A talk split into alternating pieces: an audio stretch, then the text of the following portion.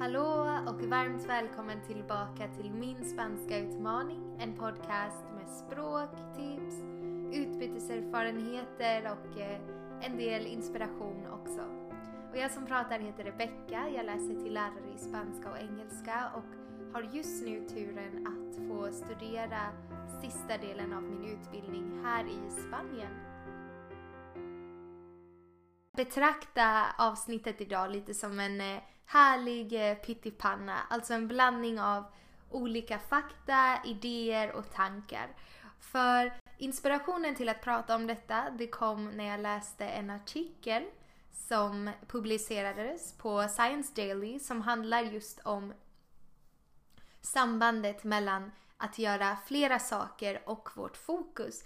Och då tittade man framförallt på elever som använde sig av telefoner i samband med att de studerade. Jag tror att det här är något som är ganska aktuellt och det fångade i alla fall min nyfikenhet eftersom jag läser ju till lärare och kommer säkert ha många elever som har svårt att slita blicken från telefonerna eller är så vana vid att få någon slags stimulans ofta. Men också för mig som studerar själv. Jag märker att jag ofta känner ett behov ibland av att bara ta upp telefonen och titta om jag har fått någon ny notis eller för att se om någonting annat händer. Så vad säger då forskningen om det här? Är det möjligt att studera eller göra någonting och samtidigt titta på din telefon och få bra resultat? Tja, i den här artikeln så refererade man framförallt till en studie som hade gjorts på universitetet i Illinois av Shelley Smith. Så Schmidt har gjort en väldigt stor studie, en litterär undersökning. Så hon har tittat på massor av tidigare forskning och jämfört dessa studierna för att hitta mönster och olika argument. Och vad hon hittade var att många elever och människor som har deltagit i undersökningar säger att det inte tar särskilt mycket fokus för dem när de gör enkla saker på sin telefon som att skicka iväg ett sms eller scrolla något socialt media. Så enligt eleverna så var det ganska enkelt för dem att göra detta och samtidigt följa sin lärare. Så det, de ser det inte som något problem det här med att multitaska. Men Schmidt menar att även om det rör sig om ganska triviala, enkla uppgifter som att online-shoppa eller att kolla om du har fått någon notifikation på din telefon så kräver detta ändå en del koncentration i hjärnan. Och faktum är att samma process som sker när du gör något på din telefon det sker även på samma plats i hjärnan som när du till exempel följer en föreläsning eller lyssnar på när din lärare förklarar något komplext begrepp. Och båda dessa sakerna sker i den främre delen av hjärnan, alltså i det prefrontala cortexet eller i den prefrontala barken. Vi ska se nu när jag uttalar detta. Jag har allting nedskrivet men jag tycker att det är kul att nämna i alla fall för det här är en ganska komplex del av hjärnan. Du har säkert hört talas om den främre delen av hjärnan för här sker allt som har att göra med planering, minne och så vidare plats. Och det innebär alltså att när du skickar ett sms eller gör något på din telefon så är det för hjärnan en ganska komplex uppgift. Och gör du det i samband med att du också är på lektionen eller studerar eller gör någon annan uppgift som också kräver koncentration då blir det två komplexa uppgifter som sker parallellt med varandra. Och enligt den här studien som Schmidt berättar om så så krävs det, eh, så blir det ofta lite för mycket för hjärnan när två komplexa uppgifter sker samtidigt. Det är bättre att fokusera på en. Okej, okay, så oavsett om vi kan multitaska och hålla fokus relativt väl eller inte så kan man ju fråga sig varför vi överhuvudtaget har behovet av att göra flera saker samtidigt. Varför är det så att när jag sitter på en föreläsning gärna vill titta på någonting annat på min laptop eller trots att jag ser en film eller pratar med en kompis känner behovet av att titta efter på min telefon om någonting nytt har hänt? Jo, om man eh, läser lite i de här studierna, i många av studierna som har gjorts kring ämnet om fokus, koncentration och distraktion så hittar man snabbt ett återkommande tema och det är rätt intressant. Det visar sig att det handlar om att vi inte har så lätt att ha tråkigt. Och det kan låta lite konstigt kanske, men Schmidt förklarar i sin studie att det ofta är när vi har tråkigt som vi drar upp telefonen. Vi behöver något som händer, att vårt belöningssystem stimuleras helt enkelt. Men vad är det då som är så farligt med att ha tråkigt? Det är något jag ställer till dig som lyssnar nu också. Ehm, är det så att det är obekvämt att ha tråkigt? Är det så att vi har glömt bort hur man har tråkigt idag? Um, alla de här frågorna var för mig väldigt intressanta och det fick mig att vilja lära mig mer just om temat att ha tråkigt. Och den här nyfikenheten ledde in mig på ännu en artikel. Den här gången en svensk artikel på modern psykologi som jag också kommer länka i podcastbeskrivningen. Och den handlar om varför det är så viktigt att ha tråkigt.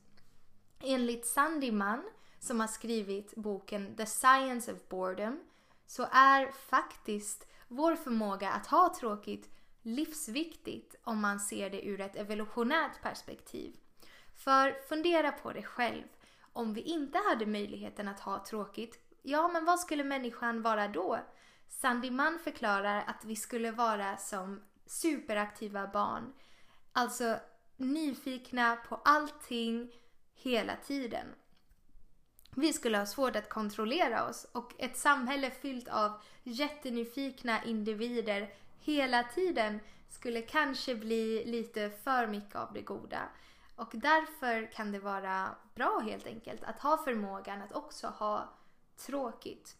Dessutom så är det en signal, menade den här artikeln, för oss att försöka skaffa stimulans.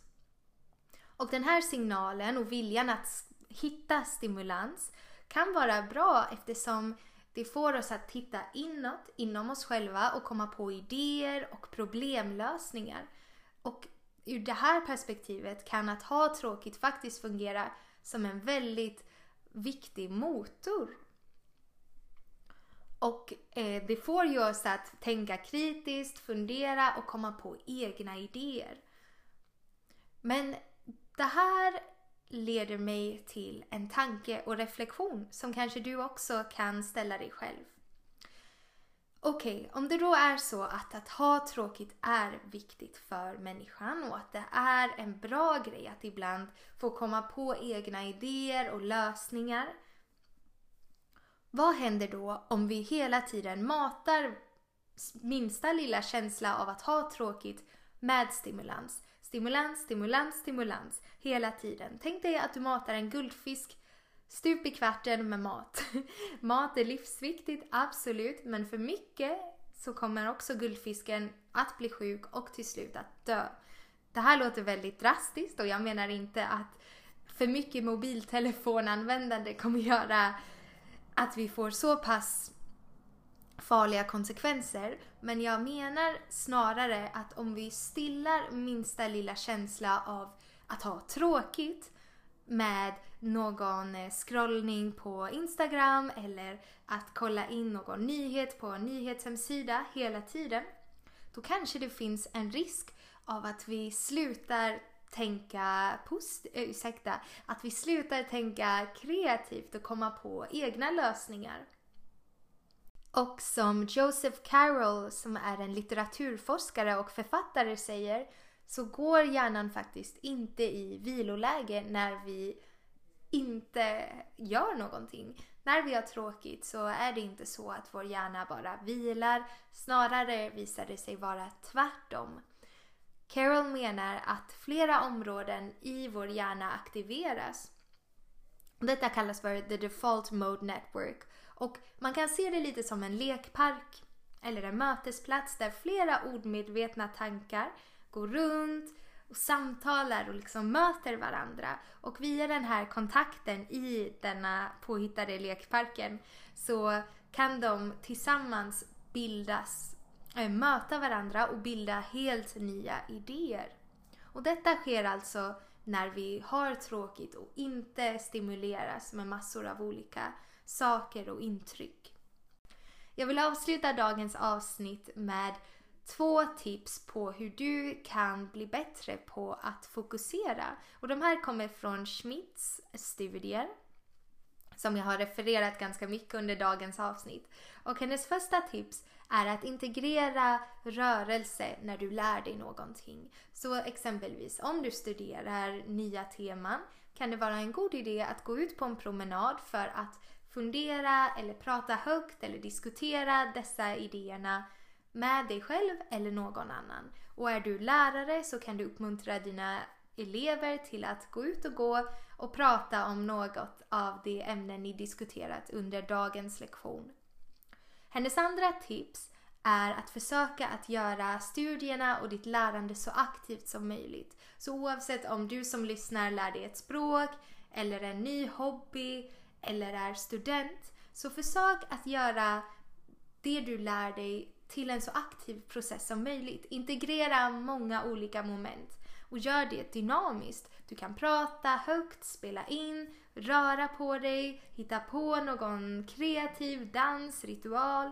Um, det finns mycket möjligheter men tanken är att desto fler olika moment och så aktivt du gör din inlärning desto svårare kommer det bli för dig att vilja ta upp din telefon för du känner dig ganska stimulerad och inne i ditt lärande.